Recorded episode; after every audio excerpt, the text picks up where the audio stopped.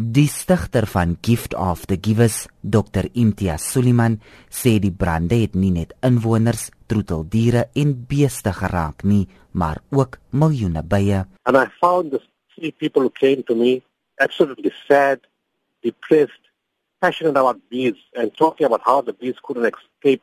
The fire was too fast, the smoke came too quickly, and there was they spoke about almost 300 hives being destroyed, each hive having about 60,000 bees.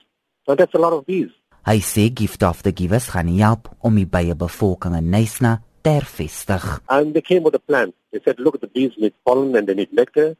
They need new hives because they're lost. And as we were walking the town, there were some bees flying. He said, you see this bee? It's hungry. It's lost. It needs a hive.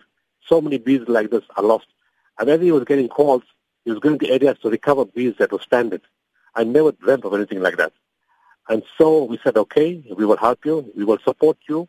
We're getting food for the bees, whatever form that is. We can't have the normal plants now because they're all burnt, but whatever they can use. Secondly, we'll help you set up the hives. And thirdly, we'll help you for the long-term planting of the type of plant. It's called basil and borage. That's what the bees love.